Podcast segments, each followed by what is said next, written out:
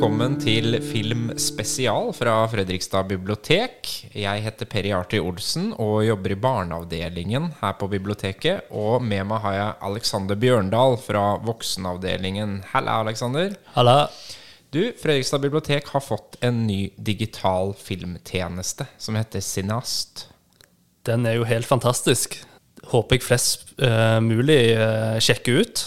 Du logger bare på vanlig lånenummer og PIN-kode. Og så må du jo velge Fredrikstad bibliotek som ditt hjemmebibliotek. da. Og da får du jo tilgang på ufattelig mye bra film. Veldig mye bra filmer der inne, og du kan se alt gratis, selvfølgelig. Du har fem lån i måneden. Ja. Men det er jo en kjempestor katalog, så det ja er bare å de fem lånene går ganske fort. Ja, de går fort unna. Og så Ja. er det jo delt inn når man kommer inn på nettsida i ulike kategorier, som øh, endrer seg hele tida. Det var jo her litt vi ble inspirert til dagens eh, tema, var det ikke det? Jo, her ble vi altså inspirert fordi Cineast har plukka ut noen svart-hvitt-filmer. Og da begynte tankene å gå på Ja. en topp tre-liste. Ja, for vi liker jo topp tre-lister. Veldig glad i topp tre-lister, så vi har plukka ut våre tre favoritter på Cineast. Altså filmer man når som helst kan logge seg inn og se gratis. Og jeg vet jo ikke hva du har valgt, og du vet ikke hva jeg har valgt. Så her kan vi jo ha de samme tre filmene, Ja. men det tror jeg ikke vi har. Det tviler jeg litt på, Mm. men uh, kanskje én. Kanskje det dukker opp én. Men litt om svart-hvitt-film eh, først. Det er jo på én måte liksom i moderne tid en, en egen sjanger. Og de klassiske filmene hadde jo ikke så veldig mye valg. Det var svart-hvitt som gjaldt. Eh, selv om man hadde jo muligheten. Altså Fargefilmen begynte å komme på 1920-tallet, og så er det jo da liksom det klassiske eksempelet A Trip to the Moon fra 1902 som faktisk har fargefilm. 13 minutter lang, eh, liten kortfilm. Ja, det er en fransk film, er det? Ja, Ja. de var alltid Ja. først, først ute på den tida her. Og så kom jo da Technicolor, eh, hvor man kunne begynne å fargelegge eh, svart-hvitt-filmer. Eh, og det er vel kanskje det mest kjente eksempelet er eh, The Wizard of Oz, eh, 1939, som mange liksom snakker om som den første fargefilmen. Det var ikke det, men, eh, men det har liksom blitt et eksempel som, som står igjen. Og så forsvant jo da svart-hvitt-filmen mer eller mindre på slutten av 50- og starten av 60-tallet.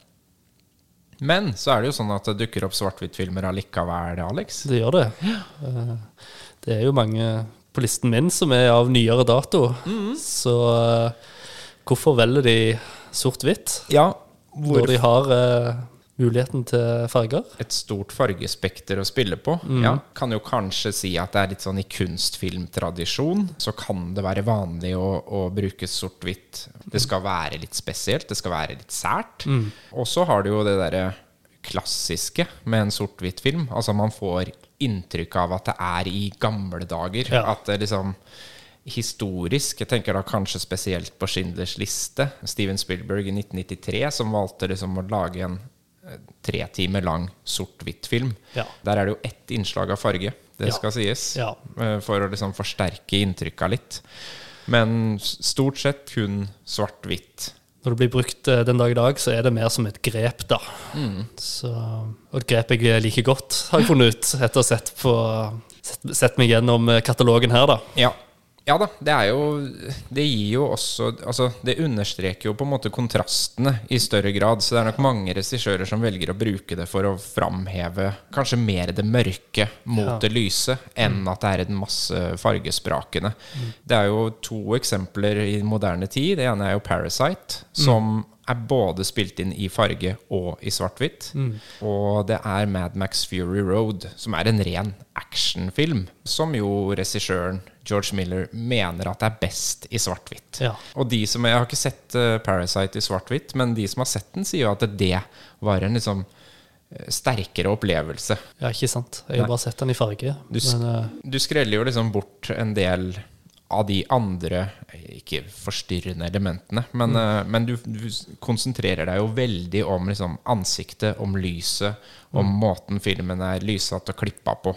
så har du jo noen filmer som uh, bruker det som uh, når det er sort-hvitt, så er det tilbakeblikk på noe som har skjedd. Mm. Ja. Woody Allen er vel en av de som uh, I Norge så er det jo Mongoland. Et kjent grep for å liksom skille tid. Ja. Men skal vi sette i gang med topp tre-lista vår? Altså filmer du finner på Cineast i svart-hvitt. Og Ja. Alex, du skal få begynne. Jeg skal få begynne. Ja. Da, på tredjeplass, så skal vi jo til den franske eh, nybølgen. Oh. Ja. Så fancy er det. ja. Eh, Og det er en film jeg eh, ofte snakker om det som en av mine favorittfilmer. Og det er 400 Blows av. Francois Truffaut, som er en sånn oppvekstskildring i Frankrike på kan tippe det er satt eh, rett etter andre verdenskrig, eller Og det er- du, følger jo eh, han unge gutten Antoine, som eh, ikke har det så lett uh, verken hjemme eller på, på skolen. Du, eh, han finner jo sine måter på å, overleve på. Og det er jo bare en sånn eh, nydelig skildring. Altså, det er, det er realisme, da. Det med Truffaut, han er jo litt sånn eh, Han er jo med i den der franske bøl nybølgen, eh, men han er ikke den, eh, mest, den som eksperimenterer mest av de. Du, du ser historien ganske tydelig. Mens Godard, for eksempel, så bare Hva, det, hva handler dette om? Mm. det- Jean-Luc Godard, som var liksom kanskje han som satte det i gang mest, Ja. um, sammen med Alain René. Men franske nye bølge, hva er det, på en måte? Ja, det var bare et sånn nyvinninger som skjedde samtidig. For eksempel så tar du jump cut. Eh, man var jo vanlig at man så kontinuiteten i en scene, mens Ja. i den franske nye bølgen så valgte man å hoppe over små En mann går nedover gata, men du hopper over det lille øyeblikket hvor han passerer en butikk, og så har han gått forbi den butikken i neste klipp allerede. Ja. Lekte jo veldig mye ja, med leker. sjangeren, og også hopping i tid og sted og rom. Det er sånn kjent scene fra en annen sort-hvitt-film, 'Cleo fra 5 til 7', som ikke havna på lista her. Hovedrollen går inn i en kafé, og så hører hun hva alle sier rundt bordet. Altså når hun går inn. Ja. Det føler jeg er sånn klassisk nybølgetrekk, ja. Sånn. da. Eh, Men den, den her filmen er litt sånn eh, Ja, dette er en klassisk fortelling, da. Og gikk rett inn i hjertet mitt. Så derfor, derfor er den her. Og nydelig slutt, uten at jeg skal si eh, noe mer om det. Den er det bare å se. Ja. Min eh, tredjeplass det er en mer moderne film. Vi skal til 2005 og Good Night and Good Luck. Som er regissert av George Clooney. Det var hans andre spillefilm. 'Confessions of a Dangerous Mind' var første. Og så kom da denne, hvor han liksom befesta litt sånn Å ja, George Clooney kan mer enn å være skuespiller. Seks Oscar-nominasjoner. Og det her er en sånn klassisk eh, pressen avslører makta-film. Vi er i 1953 og følger liksom når senator McCarthy var på toppen av heksejakta mot de man antok kanskje lefla litt med kommunisme.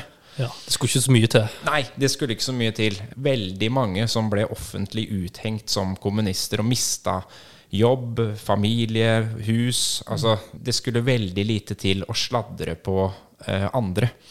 Og det her henger jo fortsatt igjen i Hollywood-systemet. I 99, under Oscar-utdelinga da, så var jo Elia Kazan fikk æres-Oscar. Altså han som har laga On the Waterfront med Malin Brando, Østen for Eden. Liksom virkelig sånn store Oscar-filmer. Ja. Fikk da sin æres-Oscar. Og han var jo en av de som anga skuespillere, manusforfattere. En annen film hvor dette blir problematisert i, er jo Mank, Ikke sant? eh, som handler om hvordan Citizen Kane, manuset, kom til. Men der er det jo hele tida snakk om den derre hvem er kommunister, hvem kan vi stole på? Den derre teppet av kalde krigen som ligger under. Men da han Kazan mottok æres-Oscaren sin, så var det jo Sånn som Meryl Streep, hun reiste seg og applauderte den. Uh, mens folk som Steven Spielberg, uh, Nick Nolte, Ja. satt jo bare med henda i kors Ja. sur og nekta å reise seg og nekta å klappe. Uh, og liksom var tydelig opptatt av å vise at dette er ikke greit. Så det, det er en film som handler om hvordan liksom, CBS News tok et standpunkt mot den forfølgelsen av, eh, av folk som man ikke hadde noe grunnlag for å si var kommunister eller anti-amerikanere. da. Så en veldig spennende film, og kjempebra rolleriste. Det er Jeff Daniels, Robert Downey jr., George Clooney himself, selvfølgelig, Frank Langella, eh, David Straithairn. De dukker opp én etter én. Ja. Ja. En lavbudsjettfilm med kjempegode skuespillerprestasjoner. Hva var det jeg hørte? At den der eh, It's a Wonderful Life, som alle ser til jul At han regissøren der Hva var det han heter for noe? Oh, Frank Carpa? Eller? Ja, Nei, jo, er det ikke det? er det ikke det? Jo. Men han, eh, på grunn av den filmen der, da, så ble han uh, angitt. For det hadde litt sånn, der, en, eh, sånn kommunistisk uh, innhold. Sosialisme. Jeg skal bare sjekke her. Frank Capra Ja. heter han. Carpa, sa jeg. Capra. Capra. Frank. Så det skulle ikke mer enn en liten antydning i en film, da. Så havna du på lista. Men da er vi klare for din uh, andreplass, Alex. Four on the Blows var 1959, og vi skal til 1958. Det er en regissør som, eh, som har veldig mange av sine filmer på sin ast. Du finner nesten hele katalogen hans, tror jeg. Oh. Vet hvem det er da? Uh, er det Tarkovskij? Nei. Nei. Han har òg Ja, det var en del, men ikke kanskje de beste. ja. Er det Ingmar Bergman. ja, selvfølgelig. Og Sinast er jo svensk, så Om vi skal til Jordbærstedet, Ja. Som er en slags eh, roadmovie, mm. der vi følger gamle professor Isak, skal utnevnes til æresdoktor, og vi følger ham på veien, da. Og det her er det jo mye sånn tilbakeblikk, og Jordbærstedet er sånn nostalgisk plass, da, i hodet hans. Det er hans Rosebud. Ja, det er hans Citizen Rosebud. Ja. Ja. ja, den uh, syns jeg er nydelig, og kan jeg se om igjen og om igjen, og mye å tenke på.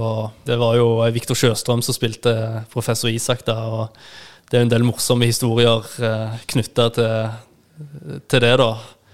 Ja, for han ble overtalt til å gjøre Altså, han Han er jo en legende i svensk, uh, og han var jo gammel da. Ja, ja, så han var ikke så veldig gira på en hovedrolle. Ikke gira i det hele tatt. Og han forsto eh, Og han ble lurt litt med på det. Han visste ikke hvordan heftig produksjon det var. Nei, nei, han trodde han skulle ha en liten rolle, og så Ja. var han plutselig Ja, så han kunne bare smelle hodet i veggen av frustrasjon, da. Bergman hadde litt å jobbe med det. Men resultatet ble jo veldig bra, da. Det blir jo som regel det når det er Bergman. Jeg har ikke tatt med noen Bergman-filmer, Fordi jeg, jeg regna med at det kom du til å gjøre. ja. Hvis ikke så hadde jeg nok slengt på det syvende innseilet, altså. Og spilt litt sjakk mot døden. ja, den òg er jo Alt dette kan man jo se på, på Cineast. da. ja. Og Persona er jo òg en uh, En bra veldig film. interessant Interessant film. film. Mm. Da skal jeg ta min eh, andreplass, Mm. og da skal vi til 1940. Og vi skal til Charlie Chaplin. Ja. Ja, og hans aller første lydfilm. For Chaplin var jo, selv om liksom lydfilmen eh, kom eh, med stormskritt inn, så valgte jo han å fortsette med stumfilm eh, helt da til 1940. eh, Hvor han laga The Great Dictator, diktatoren. Eh, Hvor Chaplin da spiller en hensynsløs diktator og en jødisk eh, barberer. Eh, Og de blir jo da selvfølgelig forveksla. Det her er jo Jeg tipper at liksom Monty Python og Life of Brian fikk mye inspirasjon fra akkurat den filmen her. Ja. er nesten den samme historien. Den er jo ganske innflytelsesrik, den filmen der. Ja, den er jo det. Masse satire, masse slapstick. Så her blandes jo liksom humor og alvor. Og det som kanskje er mest imponerende, er jo at den er laga i 1940, og Chaplin ser jo inn i framtida med hva som kommer til å skje med jødene under andre verdenskrig. Treffer liksom skremmende godt på hvordan samfunnet har, behandler det. Og ender jo opp eh, da eh, selvfølgelig på talerstolen. Denne lille barbereren Ja. eh, som blir forveksla med diktatoren, den står seg jo veldig godt i dag. En fantastisk historie og en fantastisk liksom manus av Charlie Chaplin. Han, han kunne mer enn å lage morsomme slapstick-filmer. Jeg lurer på om Hitler fikk muligheten til å se filmen. Ja, det lurer jeg på. Ja. Han er jo skremmende lik. ja. Yes, da nærmer vi oss eh, helt toppen av lista. Nå er jeg veldig spent, da. For det er jo Det var overraskende mange bra svart-hvitt-filmer å velge på i cineastarkivet. Veldig mye bra. Jeg har sånn eh, fem stykker som ikke kom med, som jeg hadde lyst til å ta med. da. Ja. Men de tre på topp er så personlige favoritter, da. Så nummer én er faktisk eh, er fra 2007, basert på en tegneserieroman. Persepolis. Persepolis, ja. ja. Da er vi tilbake igjen eh, av eh, regissør Mariann Satrapi. Og det er hun som har lagd tegneserien òg. Så regissert og, og lagd tegneserien. Kult. Da er vi tilbake i Teheran i 1978. Der med Mariann. Så dette er jo selvbiografisk. Er åtte år gammel. Drømmer om å bli profet og kunne redde verden. Hun følger med spenning med i hendelsen som fører til revolusjonen i Iran, og så knuser Shia-regimet. Når krigen resulterer i bombeangrep, kidnappinger, viser Marians revolusjonære drømmer seg til å bli problematiske. Og etter hvert så må hun flykte til Europa, og vi er jo med på den ferden der, da. Ja, hun går på kunstskole i Wien, og, og jeg trodde ikke den var sort-hvitt, men han er det. Han er sort-hvitt, Ja, og den- ikke minst en animasjonsfilm. Animasjon. Eh, og masse humor. Rørende film. Det er et mesterverk. Og det er med min favoritt-tegneserieroman. Det er en veldig fin uh, adopsjon, da. Jeg ser vi har, vi har holdt oss veldig til virkeligheten her, og det er kanskje Det var vi jo litt inne på i starten òg, at det er mye sort-hvitt-film speiler liksom historiske hendelser eller selvbiografiske opplevelser. Ja, um, ikke sant? Det, det, det, det en rød tråd her. Ja, det begynner å bli en rød, rød tråd i sort-hvitt-universet. Nå er jeg spent på din uh, nummer én her. Ja. Min nummer én, da skal vi også til eh, den franske bølge. Oh. Ja. 1959. Og vi skal til eh, Alain René og Hiroshima Mon Amour. Ja. Ja. Som jeg liksom ikke hadde noe forhold til før jeg da begynte å studere film, og det var sånn Ja, dette er pensumfilmen for hva den franske bølge er. Det er et sånn spill mellom personlige opplevelser og minner og faktiske dokumentariske klipp eh, fra Hiroshima. Som starta med at han eh, regissøren, som egentlig er dokumentarfilmregissør, laga en fantastisk dokumentar som heter 'Night and Fog', som var Hitlers begrep om alt det som eh, skjer i Nacht und Nebel. Det mm, kan man slippe unna med, nemlig jødeutryddelsen. I 1955 så dro han da tilbake til Auschwitz og filmer Da har på en måte det grønne gresset akkurat begynt å gro igjen eh, i Auschwitz, og veksler mellom det og arkivklipp fra eh, veldig brutale eh, klipp fra jødeutryddelsen. Så han fikk i oppdrag å lage en tilsvarende film om Hiroshima. Funderte veldig på hvordan han skulle løse det, og endte da opp med sin første spillefilm, som er liksom stått igjen nå som et av de store mesterverka i filmhistorien.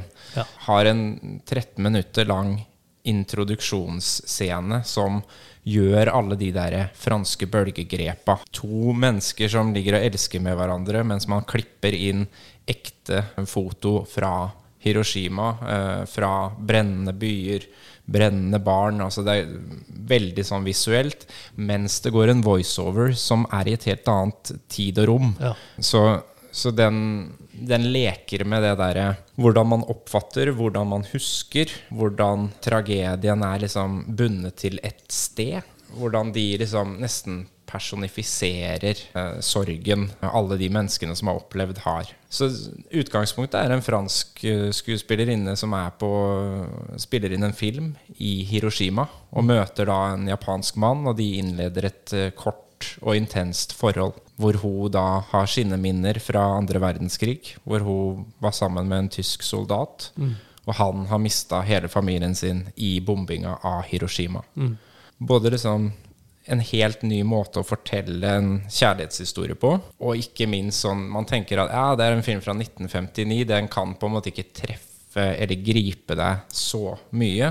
Å jo. Men den, det er skikkelig knyttneve av en film. Altså. Ja, den må jeg ha gått glipp av her, for det, den, eh, den kunne nok fort havna på lista mi òg. Mm. Så er det jo òg et samarbeid med forfatterinnen eh, Margaret Dura. Yes, stemmer. Og hennes litteratur altså det, det sier noe om at uh, den franske nybølgen og litteratur Mm. går veldig hand i hand her. Det er en veldig litterær film. Ja. Eh, Altså det, det er en voiceover som går gjennom hele filmen. Det er nesten et dikt, på en måte. Og det brukes jo også i den andre dokumentarfilmen som også ligger på Cineast, 'Night and Fog'. Jeg tror det er en fransk poet som har bare laga et dikt som blir lest opp over de forferdelige bildene da, av jødeutryddelsen. Så det, det er veldig sterke inntrykk. Mm. Så det er rett og slett vår uh, topp tre-liste. Da har man seks eh, gode filmer med et ganske stort spenn. Ja, det Ja. vil jeg si. Vi skal helt tilbake på 50- eller 40-tallet, Mm. eh, og opp til 2007 var vel den siste. 2007, ja. Mm. Hadde du noen som, eh, som ikke kom med på lista? Ja, det var jo litt å velge på her, da. Ja. Så Citizen Kane var jo en. Citizen Kane er jo Den kommer man jo på en måte ikke utenom. Selv om det er ikke noe sånn Mange sier det er verdens beste film. Det er ikke det for meg. Mm. Persepolis uh, vurderte jeg. Eh, det syvende innseilet har vi jo snakka om. Personer kunne fort endt opp på lista. Men hva med deg? Uh, ja, Control, den filmen om Ja. Joy Division. Eh, I'm Not a Negro, om James Baldwin. Mm. Uh, dokumentar. Og så en, eh, en film som jeg setter veldig høyt, er A Field in England. Ben Whitley. Ja, den har jeg ikke sett. Nei, som Nei. er bare et sånt absurd Monty Python-aktig film. Helt unik. Og så Frances Ha. Noah Bomber Ja. var noen av de jeg noterte meg. Mm, ja. Ja, da jeg titta gjennom lista, det var Det kunne fint vært tre andre. Men uh, hvis jeg skulle velge fra hjertet, så måtte det bli de her. Ja, jeg tenker også Men 'Himmel über Berlin' for, ligger Ja, jo der. glemte jeg, ja. Eh, Ja. ja. Og ikke minst et par uh, Tarkovskij-perler, da. Det er jo så, det òg. Så det viser jo bare litt av bredden i denne denne Sinast. Det er så mye fint der inne. Og det dukker opp nye kategorier hele tida. Mm. så vi eh, kommer tilbake med flere tips eh, senere, vi. Ja, Nesten daglig så er det nye filmer som popper inn der. Mm. Så Så det er bare å logge seg inn på cineast.no og velge Fredrikstad bibliotek og logge seg inn med lånekortet. Og så kan du låne fem filmer i måneden, og da får du i hvert fall velge fem svart-hvitt-filmer nå første omgang. ja. Takk skal du ha for praten, Alexander ja. Bjørndal. Takk skal du ha.